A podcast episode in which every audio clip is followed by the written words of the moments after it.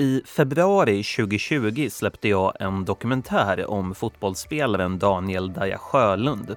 En lång karriär som på över 20 år skulle summeras till 54 minuter och 20 sekunder. Jag pratade med många olika personer för att kunna ta ett ordentligt grepp om ämnet. I förra delen så avslutade vi med slutet i Brommapojkarna och nu så drar vi igång denna episod med en gammal intervju som Mika Koskelainen, som då arbetade på Ålands Radio, gjorde med en ung Daniel Daja Sjölund efter att det blev klart att han värvats till West Ham. Hur känns det så här nu när det är klart att du ska börja i West Ham? Ja, vad ska man säga? Det ska bara bli spännande. Du har skrivit på ett treårskontrakt Ja, och du åker nu i november. japp. Eh, vad har du för förväntningar på det här? Ja. Ska väl eh, åka ner med mamma tror jag. Först. Första tiden. Men jag tror nog att det kommer nog bli bra tror jag. Alla är väl schyssta där och så bra ut när vi var över förra veckan. Så allt verkar nog bra. Vad tror du kommer att skilja då tiden med Brommapojkarna med det som kommer i West Ham? Ja, det är väl ännu tuffare då, tror jag. Ännu ett steg framåt, hoppas jag. Så, ja, hoppas man att man blir bättre och bättre va. Det är väl det det går ut på egentligen. Men eh, det känns roligt. Ja, det gör det. Mm. Det ska bli väldigt spännande att se. Ja. Se vad som händer. Känner du ibland att det är för stora förväntningar på det här hemifrån? Nej, tror jag inte. Man kör nog bara på. Ja. Varför kom West Ham in i bilden? Um, West Ham var en av, av klubbarna som var intresserade men som även tog det ett steg längre också och, och eh, ville ha dit mig och, och ville köpa loss mig då. Eh, framför allt så, så tror jag att det, man syns när man är med i pojk och ungdomslandslag. Jag hade ju gjort eh, en hel del mål som, som forward då i, i landslagen. Och det, är väl där jag har setts mest, eh, tror jag. Sen var det väl egentligen en, en fråga om BP fått eh, ett bud då som de kände att eh, vi- vill jag lämna så kommer de inte att stoppa mig. Och sen är det egentligen upp till mig och då, då åkte vi över till London och hälsade på. Visste du direkt att du skulle dra? Eller fanns det andra klubbar som var intresserade? Det fanns andra klubbar som var intresserade men ingen som hade gått in då eh, med att lägga bud och verkligen försökt pusha fram en, en övergång på samma sätt som, som West Ham gjorde. Därför blev det väl egentligen intressantast också. Vad, vilka andra klubbar var intresserade? Det fanns andra klubbar i England bland annat och även Italien eh, vet jag att det fanns. Eh, Några namn? In, in, ja, alltså utan att gå in på något namn så eh, det var ganska stora klubbar som visade intresse. Men eh, sen vet man också i den branschen att visa intresse behöver inte betyda speciellt mycket heller. Men eh, därför blir det också speciellt när West Ham då går in och, och, och lägger ett bud och verkligen visar att, att vi, vi, vi vill ha det. Eh, att vi, vi startar en en förhandling helt enkelt. Hur viktiga har dina föräldrar varit i ditt liv? Otroligt viktiga. De har alltid ställt upp och alltid lagt ner väldigt mycket tid på, på oss barn. Jag kommer ihåg eh, England och West Ham så eh, min mamma bodde ju där första, kan det ha varit tre, fyra månader på ett hotell då, själv eh, medan jag bodde i ett ett hus eh, med andra unga spelare där vi hade ett, ett äldre par då som egentligen eh, tog hand om oss. Men ändå så hade jag tryggheten i att ha min mamma nära och kunde träffas eh, ja, när, när det fanns tid för det och, och göra annat också. Men bara det att bo i England själv då på hotell i tre, fyra månader för att jag ska ha det bra. Det, det är mycket uppoffring.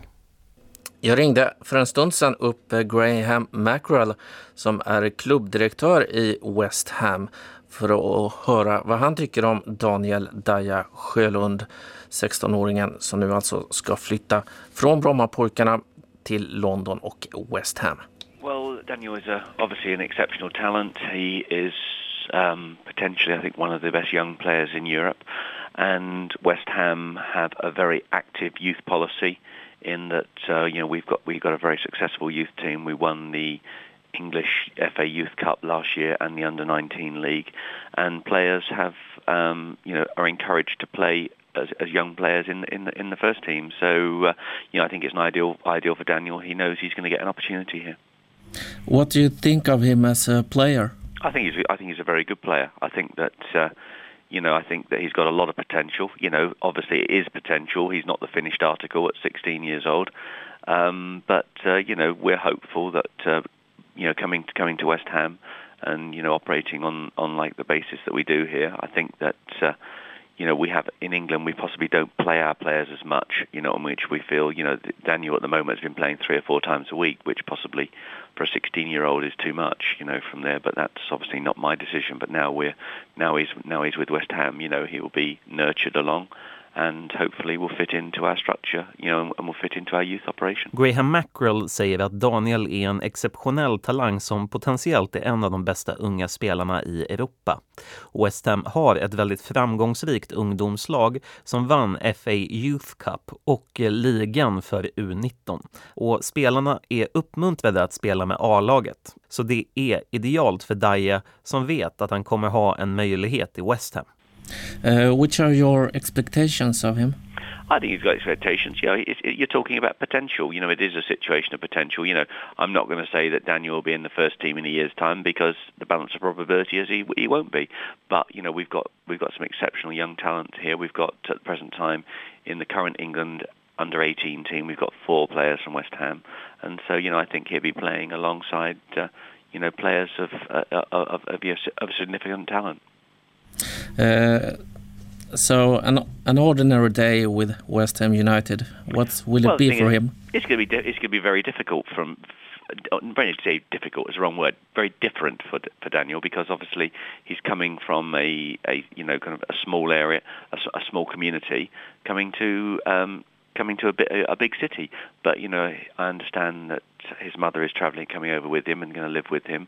And it's our job to make sure that he's as happy off the field as he would be on the field. Men trots Dayas potential så kan Graham Mackerel inte säga att Daya kommer spela med A-laget om ett års tid. För troligtvis är det inte det som kommer ske. Men han menar att det är en exceptionell talangfabrik där många spelare spelar med Englands U19-lag och att han därmed kommer att spela bredvid många spelare som har en enorm talang. Men det kommer även bli en annorlunda vardag för honom. Han kommer från ett litet samhälle till en stor stad och då så är det vårt jobb att se till att han är lika lycklig och glad av plan som han är på plan. Men Graham Mackerel väljer vi att avsluta med att säga att Daya har stora chanser att spela för A-laget, men kanske inte inom den närmaste framtiden. Man måste komma ihåg att han är en 16-årig pojke. Uh, what are the chances for Daniel Sjölund to play uh, in the senior team? Oh, he's got he's got perfect opportunity of playing in the senior team, but you know, not yet a while. We're not talking. You know, I, I, you know, there's there's plenty of time for that, and we would not rush him to bring him into the senior team. You know, uh, he's a 16 year old boy. You've got to remember that. You know. Jag har lyssnat på en gammal intervju som vi på Ålands Radio gjorde ja. eh, med han som tog och värvade dig från West Ham. Eh, han sa att du var antagligen en av de starkaste lysande stjärnorna i ungdomsåren. Hur känns det att få en sån press? Um, ja, det var väl ingenting jag själv tänkte på sådär utan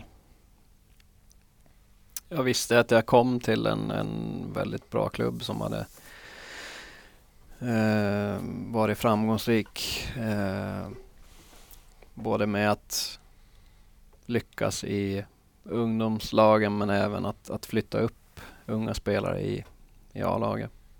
Eh, och jag visste också att jag kom till ett lag med väldigt många stjärnor. Det, det här är första gången som du får ordentliga supportrar. Om, alltså om jag får vara lite krass. Är det fel av mig att tänka så? Nej då, det, det är ju helt rätt men samtidigt så spelar jag med ungdomslaget. Eh, jag, jag tittar ju på alla matcher som A-laget spelar och det var ju väldigt häftigt men man var ju inte där riktigt ännu. Alltså jag tänker de supportrar som följde U-laget. Jag tänker att de är extra hårda. Kanske mest föräldrar. Ja, okay. Men, ja, det var lite folk att titta i alla fall. Det var inte så att det var en klack som stod och sjöng liksom när vi spelade utan eh, det var nog mer ganska lugn och fin form. Du bildade anfallspar tillsammans med Jermaine Defoe. Hur klickade ni på plan? Väldigt bra. Funkar väldigt bra ihop och, och, och där kände jag väl sådär att det, det är väldigt viktigt med statistik och, och, och, göra mål. Men jag har liksom aldrig tänkt riktigt så när jag spelar. Eh, att var, var det det jag var bäst på så är det det jag försöker göra. Och i pojk och ungdomslandslag så har jag alltid gjort det för att det, det har varit min roll på något sätt. Att man har, jag har varit där framme och gjort målen. Men nu hamnar jag och spelar bredvid en som är ännu bättre än vad jag är på det här. Eh, men, men samarbetet ble, blev jättebra och jag låg bakom väldigt mycket. Men det blev nästan som att det bästa för laget är att han får avsluta för han är bäst på det. Och jag gjorde en del mål också sådär men, men jag märkte från tränarhåll att det, det är väldigt viktigt att jag också gör mål. Det, det var väl också en, en lärdom på något sätt men jag, jag tycker fortfarande att att, att det viktiga är att laget fungerar på bästa sätt. Eh, att, att vi tillsammans vinner matchen. Vem som avgör den är egentligen oviktigt. Men som ungdomsspelare då att, att ta nästa steg så, så blev det på något sätt att jag behövde bli mer egoistisk. Vilket var lite svårt just då. Hur var tränaren? Eller tränarna? Ganska tuffa ställde höga krav och vilket kan vara bra i sig men eh, inte så mycket tankar om känslor och, och att spelare kan vara olika och, och sådär utan eh, tuffa mot alla jämt. Det var också en del som man eh, fick anpassa sig till bara.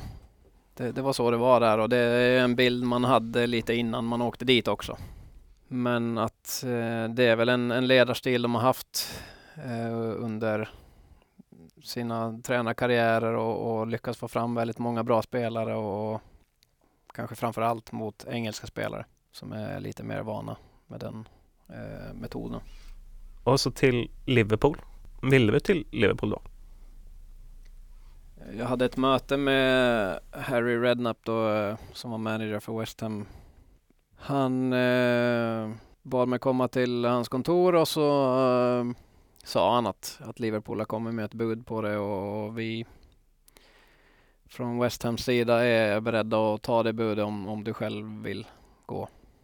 Jag kände att eh, det var eh, också ett, ett steg i min karriär som jag ville ta. Jag fick ett A-lagskontrakt eh, med Liverpool som jag har följt under många år tidigare och var en supporter till. Ehm, men även då att, att det här steget från ungdomslag till A-lag sker egentligen automatiskt i, i den här transfern.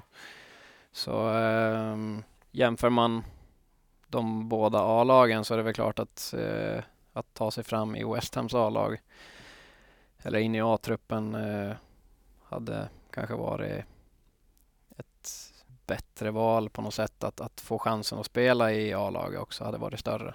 Men samtidigt så kände jag också att det är svårt att tacka nej till det här. För nu, vem är coach? Det är Olier? Ja. Hur, hade du snackat med honom innan du blev värvad? Sammy Lee var ju coach i Liverpools A-lag men även med engelska U21-landslaget. vi mötte ju England i en eh, U21-landskamp i Finland. Där vi spelade 2-2 tror jag.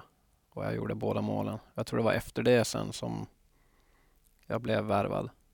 Så jag tror att han hade mycket med i spelet vad det gäller den värvningen. Eh, sen kommer jag inte ihåg om jag träffade Olier i, eller pratade med honom innan jag kom dit. Han var också väldigt ödmjuk och, och mån om att, att man ska må bra och, och komma in på ett bra sätt. När han sa någonting så, så eh, märkte man på hela gruppen också att det, nu är det något viktigt på gång. Eh, sen var han ju inte alltid delaktig i träningen. Utan eh, kom ut med jämna mellanrum eh, beroende på vilken typ av träning det var.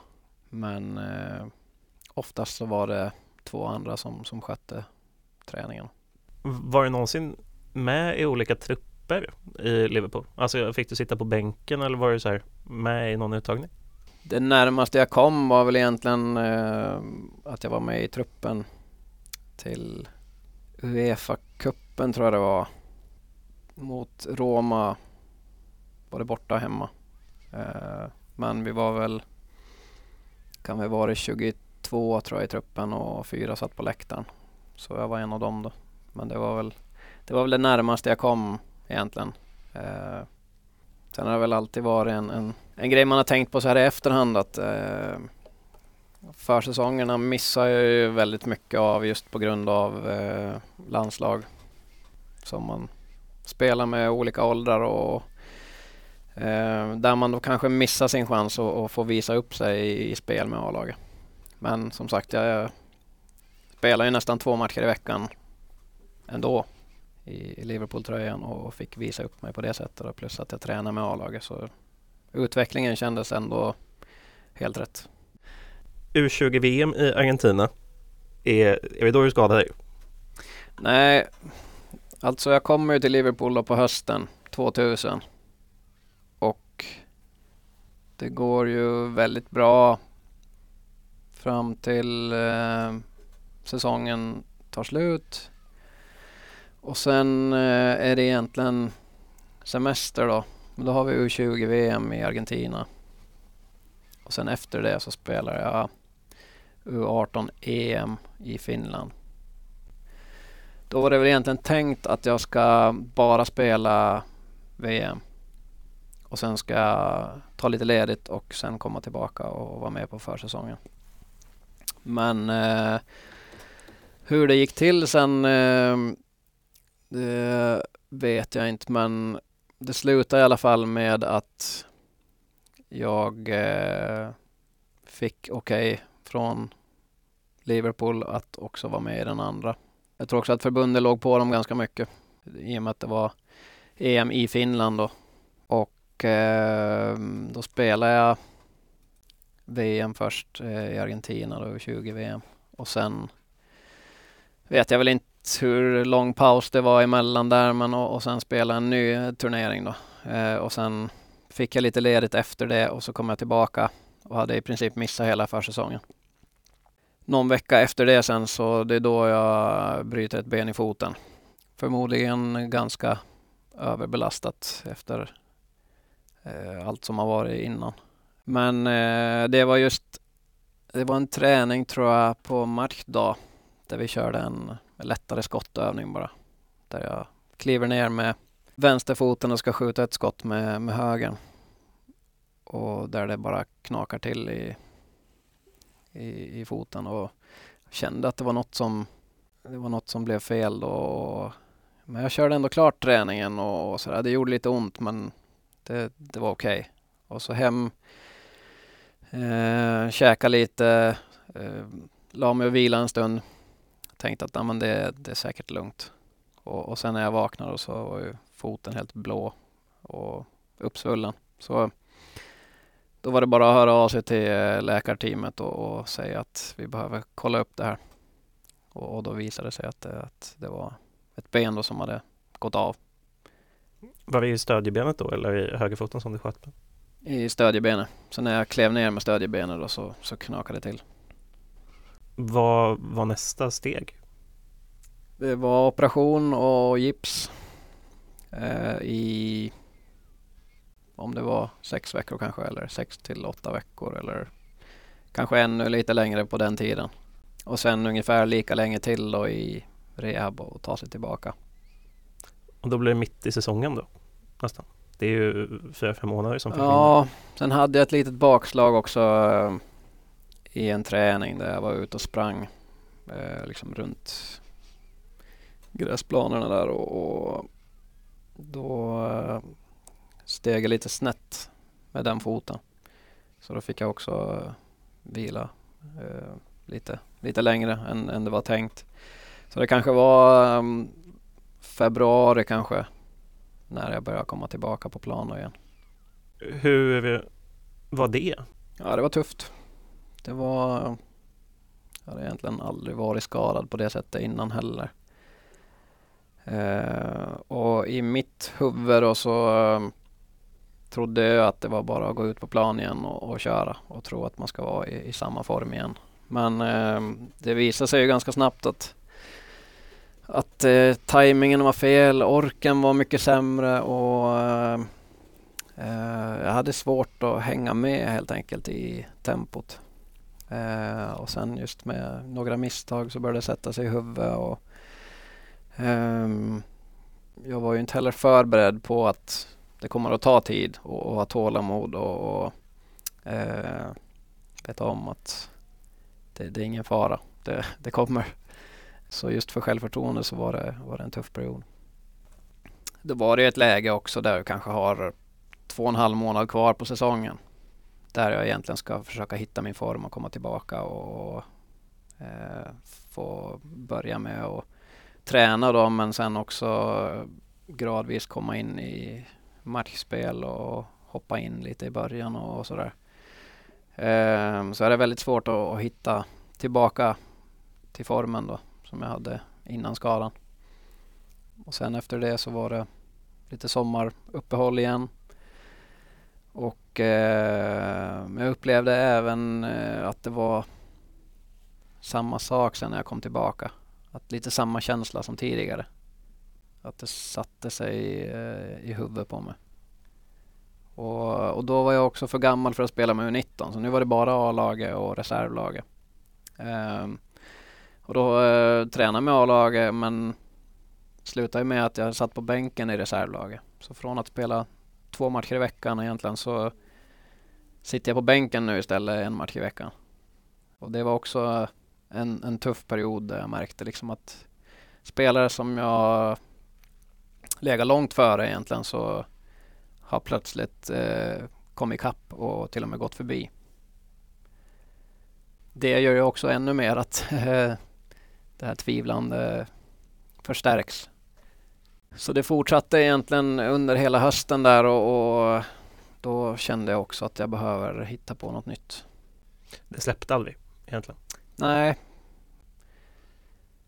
Det, det, var min, min första riktiga skada och jag var inte alls förberedd på hur jag skulle hantera det. Eh, och har väl aldrig egentligen fått den kunskapen heller någonstans ifrån. För jag har aldrig behövt. Men du har ökat din prestation, alltså din träningsmängd väldigt mycket på en ganska kort tid. Är det någonting du önskar att du inte hade gjort? Lätt att sitta här med facit i hand och, och ändra någonting så. Eh, det jag känner att jag hade kunnat påverka är ju EM-slutspelet i, i Finland eh, med U18 som vi egentligen var helt överens om att jag inte skulle spela. Så det är möjligt att det hade hänt ändå. Att just eh, träningsmängden från att flytta till England och under ett och ett halvt års tid och innan jag spelade U20-VM och U18-EM. Eh, men det var ändå en, en, del i min utveckling och eh, det kände jag ändå att jag kunde hantera.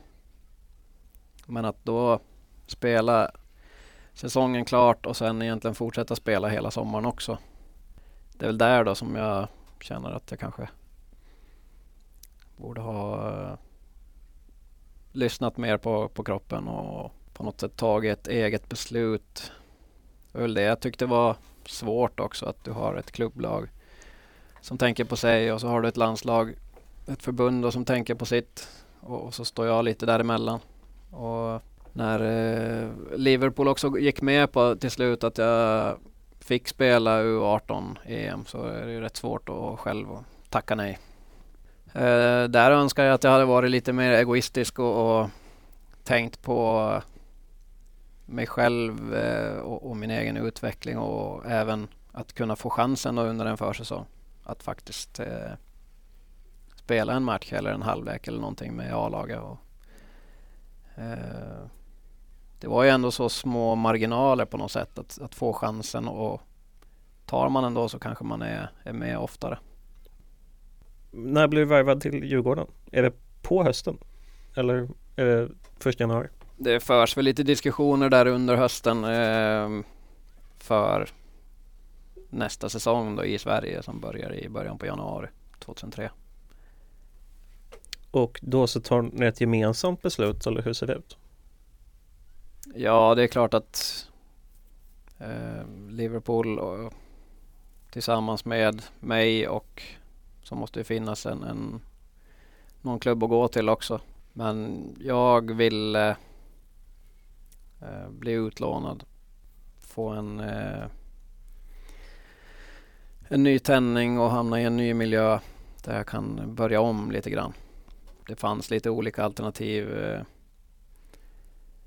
något norskt lag och även Championship. Eh, jag vet inte om det hette Championship då. Eh, engelska andra divisionen i alla fall. Men jag kände ändå att ehm, när jag fick chansen att gå till Djurgården och, flytta tillbaka till Stockholm så kändes det helt rätt. Och, ett steg för mig också att backa bandet lite. Eh, tillbaka lite närmare hemma och, och tryggheten. Och få, få börja om lite där. Du kommer till Djurgården då. Vad har du för målsättning?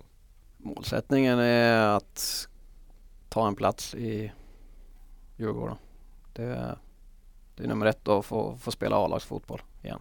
Och eh, Samtidigt så eh, Djurgården vann guld 2002 och hade väl i princip samma lag året efter. Eh, det är ju inte så vanligt idag när ett lag eh, går bra och vinner guld att eh, man får behålla samma lag till nästa år. Men eh, så jag visste att det, att det skulle bli tufft men ändå kände jag att, att det är ett steg jag vill ta och Stockholmsfotbollen var, det var ett otroligt tryck på, på läktarna och som jag inte heller riktigt hade koll på kände jag. Men kändes det verkligen tufft? Du går ändå från att träna med Liverpool till Sverige. Det, det känns i och för sig det bästa laget i Sverige vid tidpunkten. Men, men kändes det tufft? Jag tycker att Djurgården och allsvenskan höll väldigt bra nivå.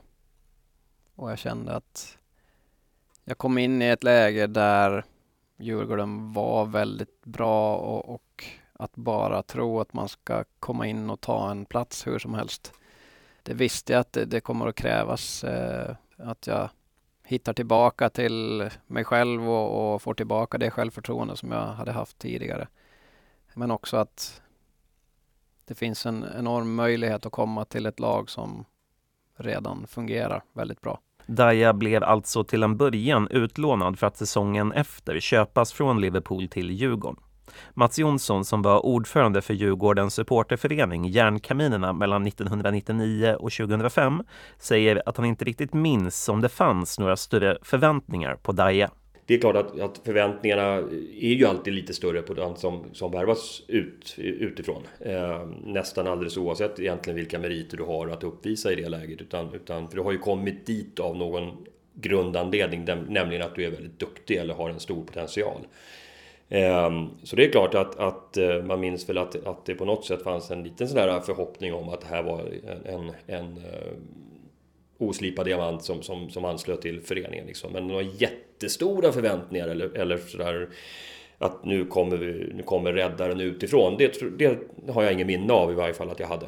Det var ju eh, en väldigt framgångsrik period Mm. som du säger. Han kom 2002 om jag inte missminner mig helt. Vinner SM-guld 2003, vinner SM-guld. Han har svårt att ta sig in i laget under den här perioden. Vad, märkte, vad var problemet då tror du? Ja, problemet för hans del var väl snarare att konkurrensen var ju stentuff eh, då. Eh, Johan Elmander fanns ju i laget. Vi hade eh, eh, Stjärten Oden var ju också med i laget, eller kom och anslöts där eh, och, och spelade något år. Eh, och gjorde det väldigt bra. Eh, Vovven var med under den tiden, alltså Samuel Vovoa. Eh, vi hade Kim Källström på mittfältet, icke att förglömma. Eh, och, och jag menar, Andreas Johansson eh, vill jag också minnas någonstans fanns med där. Det är, liksom, det är inga, det är inga dussinlirare på det sättet utan det är, det är snarare en stenhård konkurrens för en 19-20-åring att, att kunna slå sig in i och armbågas in. Men jag tycker ändå att det här gjorde det för, för jäkla bra faktiskt. Ville Bäckström är en annan profil inom Djurgården. Han arbetade när Daja kom till Djurgården på Svenska fans och bevakade vid den tidpunkten Djurgården fotboll och Djurgården hockey. Och vad var din, ditt första intryck av Daja? Nu är jag ju så gammal och det är... Nej, jag kommer ihåg att det var en väldigt, väldigt ödmjuk och eh, försiktig kille som kom. När man träffade honom första gången så gav han ett väldigt så här, blygt och tillbakadraget intryck. Att han var väldigt, väldigt ung, kommer jag ihåg. Men hur, hur märkte du det? Det kommer jag faktiskt... Jag kommer inte riktigt ihåg det. Men det är väl där... Det kanske är faktiskt det här åländska som gör att man luras av att tro att han är mycket liksom... Att folk är mycket snällare och mjukare än vad de egentligen är. Det sa Ville Bäckström. En Djurgårdsspelare som hade lite koll på Daja, det var Tobias Hysén som spelade i Djurgården med Daja mellan 2004 och 2006. Jag är ju Liverpool-supporter i vått och torrt, så att jag visste ju vem det var eh, utifrån att han hade varit ungdomsproffs där då. Eh, så när jag, kom till, när jag kom till Stockholm så visste jag ju att han hade varit i Liverpool och det tyckte jag ju var rätt häftigt. Hur var första intrycket då? Ja, men det var väl bra som, som med alla uppe i Stockholm där. Jag menar, vi, vi var ju i samma ålder dessutom, någorlunda. Han är ett år yngre än mig, men vi, eh, vi kom väl rätt bra överens från början och, och hittade varandra ganska snabbt. Vi konkurrerar ju lite grann om, om samma positioner. Han var ju mer forward och kanske lite mer offensiv mittfältare medan jag var eh, mer ute till vänster och, och höll, höll mig där ute på kanten egentligen. Så att vi var inte riktigt samma plats men ändå, men ändå liknande så. Men vi, vi började väl umgås ganska snabbt i och med att, som jag sa, vi var i samma ålder och vi gillade väl hyfsat samma saker och sådär. Liverpool? Ja, Liverpool och sen lite samma tv-serier och lite samma dataspel och lite sådana grejer liksom. Så att vi, ja, vi, vi, vi klickar väl ganska snabbt ändå, det tycker jag. Men det vi gjorde ihop, det var ju World of Warcraft ihop med våra två isländska polare där, Kari Arnarsson och Sölvi Ottesen. Så det, det blev ju en väldigt intensiv period just med den då. När du kom till Djurgården, kände du att det var ett steg tillbaka? Både och. Eh, ett steg tillbaka sett till eh, om man jämför då med A-laget i Liverpool. Men samtidigt så sp- spelar jag aldrig på det sättet heller i A-laget där. Så eh, att komma tillbaka till Sverige och spela allsvenskan eh, i Sveriges bästa lag kändes eh, ändå som ett jättebra steg för att kunna eh, ta klivet ut i någon större liga igen sen. Det, det var väl ungefär så jag kände. Men du ville utomlands igen? Ja, det var min känsla då att behöva spela A-lagsfotboll igen på en ganska hög nivå och, och visa att det här klarar jag av och sen ta nästa steg igen. Men 2003, Ja. första matchen, Ja, du gör mål. ja. Berätta. Eh, hemmapremiär. Soran då var ju lite kaxig i media och, och gick ju ut inför säsongen och sa att vi kommer att vinna från start till mål. Eh, så jag, jag missade de två första på grund av skada och sen eh, var jag med då till tredje matchen och satt på bänken och, och fick hoppa in eh, mot Elfsborg. Så det var min, min premiär på Stockholms stadion. Din första touch gör du mål på.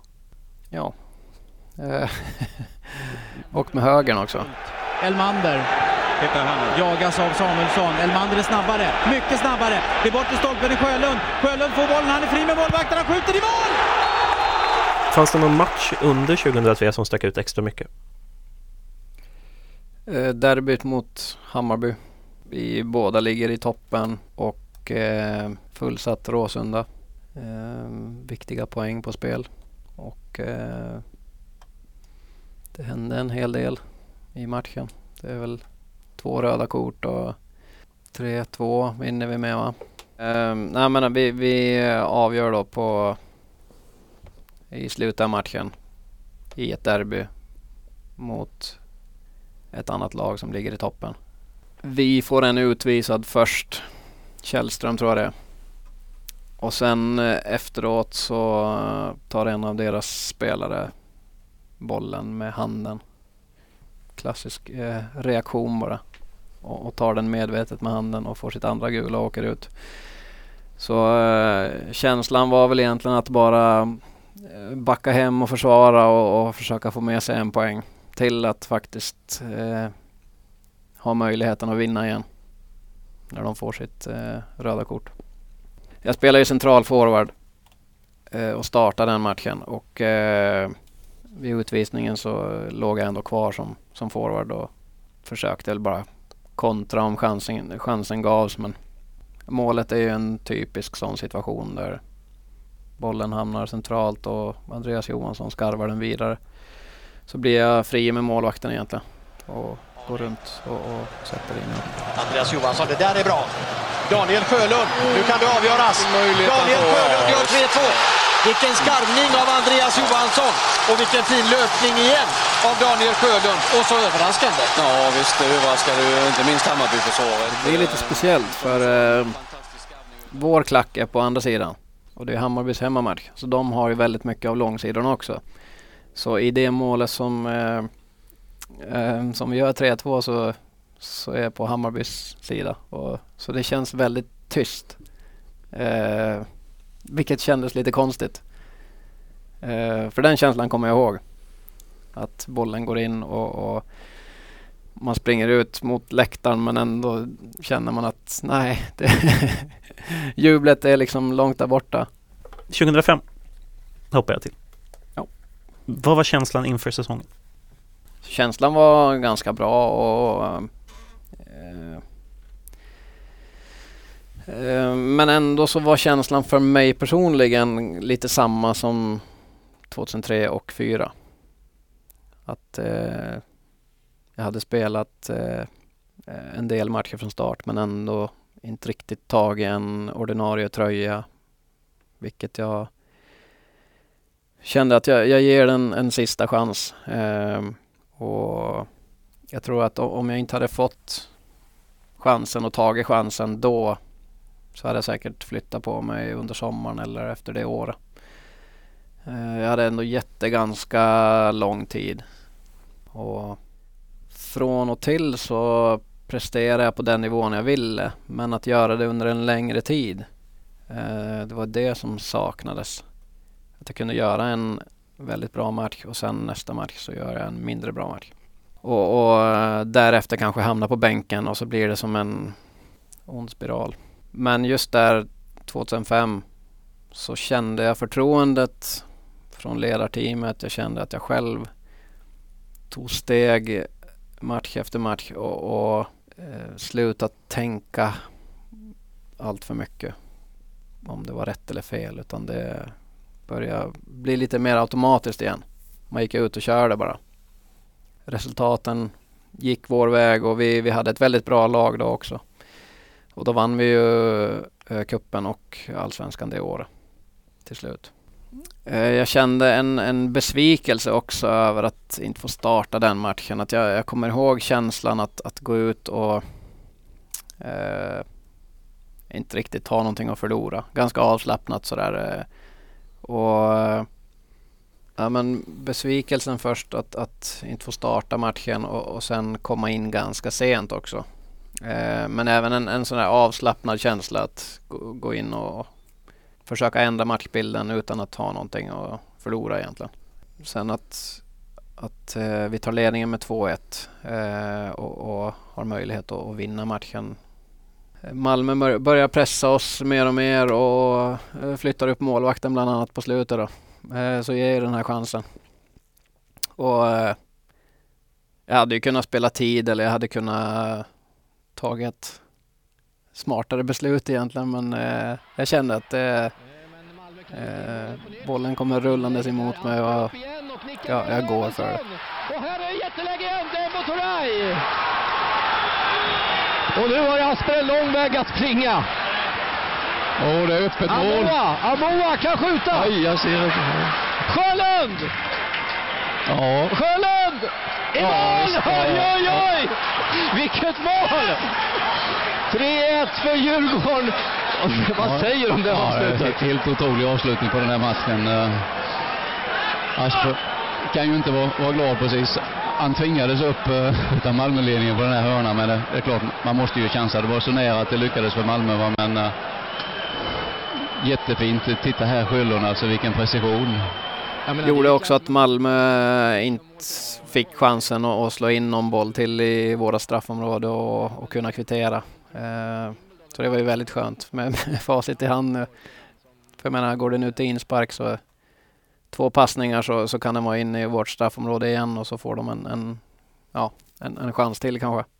Men ändå i, i och med att målvakten hade varit uppe på hörnan innan och, och det blir som en eh, liten omställning men eh, drar jag inte till direkt så, så hinner han tillbaka. Så det var en chansning som gick hem. Eh, och sen så blir det då att du får starta. Eh, Alltså du kommer in i startelvan därefter, du byts inte in längre. Det måste varit en superskön känsla mentalt. Absolut. Och, och få göra det målet och, och sen stå och fira i omklädningsrummet efteråt. Eh, och sen eh, få chansen i matchen efter också. Och, och visa vad man går för. Och det, det var en, en vändning för mig. Fanns det någon annan match som var väldigt viktig under 05? Det fanns ju väldigt många matcher som var viktiga. Men eh, den som jag kommer ihåg bäst är ju den sista matchen.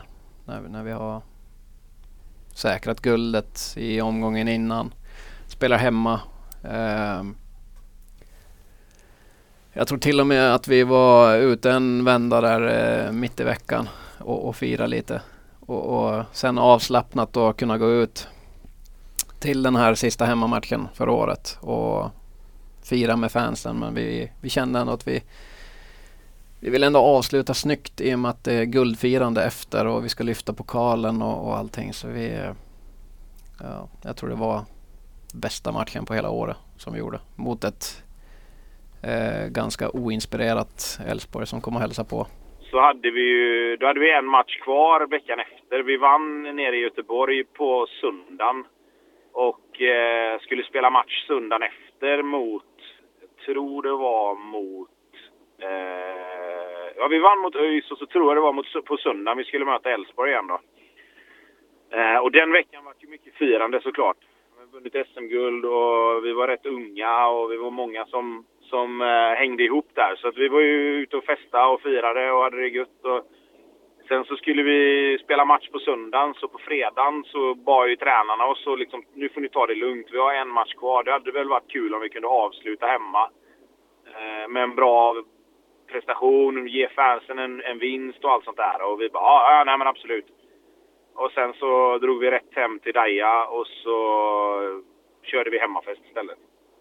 Så att eh, det, det, var, det var en fantastisk vecka som kro, vet det, kröntes med en 8-1-seger mot Elfsborg och där var ju Daja helt fantastisk. Hur han lyckades vara så jäkla bra den matchen efter hela den veckan vi hade haft. Det ju- var ju helt fantastiskt. Jag tror han spelade fram till två och gjorde två och han var liksom bara... Han var så jävla bra bara. Tobbe sa att det var helt sjukt att du kunde spela så bra den matchen. Med tanke på att ni hade firat så hårt innan. Ja, jag vet inte hur hårt vi hade firat men vi, vi, vi firade väl eh, lite efter matchen mot Örgryte i omgången innan där och, och sen var vi ute en, eh, en sväng mitt i veckan också. Eh, Men eh, på den tiden var det inga problem med återhämtningen. I avslutningsmatchen så gör du två assist och två mål. Vad är starkaste minnet från matchen? Dembo straff. Han är en stor ikon i, i Djurgården och hans storlek också. Springa över hela plan, sätta bollen på plats och sen dunka in den på, med, med kraft. Eh, ja, det, det, är ett väldigt bra och häftigt minne att ha med sig. Men framförallt eh, resultatet och hur vi går ut och, och spelar av den matchen. Eh, när det egentligen inte har någon betydelse alls. Djurgården tar guld 2005. Men vi hoppar till 2008 då Daja i media beskrivs att ha ett ätstört beteende. Djurgårdsprofilen Ville Bäckström berättar mer. Om du tittar på när han eh, får det här ätstörda beteendet som media skriver om 2008. Vad, vad var din tanke och känsla när du fick det beskedet?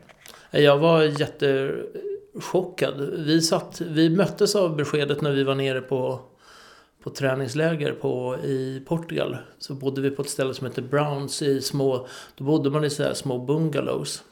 Och man hade ju sett på honom att han hade liksom blivit, blivit betydligt mycket smalare.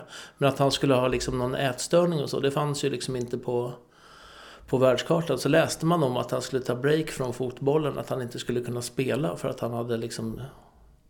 Och vi bara, va? Och då gick jag, kom jag ihåg att då skulle vi intervjua dig om det. Han sa, nej men det här stämmer inte liksom. Det här är inget, nej nej, det här är liksom, det är ingen fara. Men eh, det var det ju. Men vi märkte ju det rätt snabbt där. För det var ett gäng med Micke Dahlberg och Petter Gustafsson. De hade så här fika, fika gäng. Så att efter träningarna så hade de alltid fika. Så de hade med sig kaffepulver så här, från, från Sverige och så gjorde de kaffe. Så var de alltid och köpte liksom lite goda kakor och bullar. Så det skulle fikas. Men eh, inte Daja. Och när Daja inte fikar då är det någonting som är, då är, det någonting som är väldigt, väldigt eh, konstigt. Men eh, fruktansvärt jobbigt att, att se. Han, blev ju bara som ett, han var ju som ett litet skelett. Det sa Djurgårdsprofilen Ville Bäckström i andra delen där vi djupdyker i Daniel Daja Sjölunds karriär. Jag heter Johan Ågren. Tack för att du lyssnat.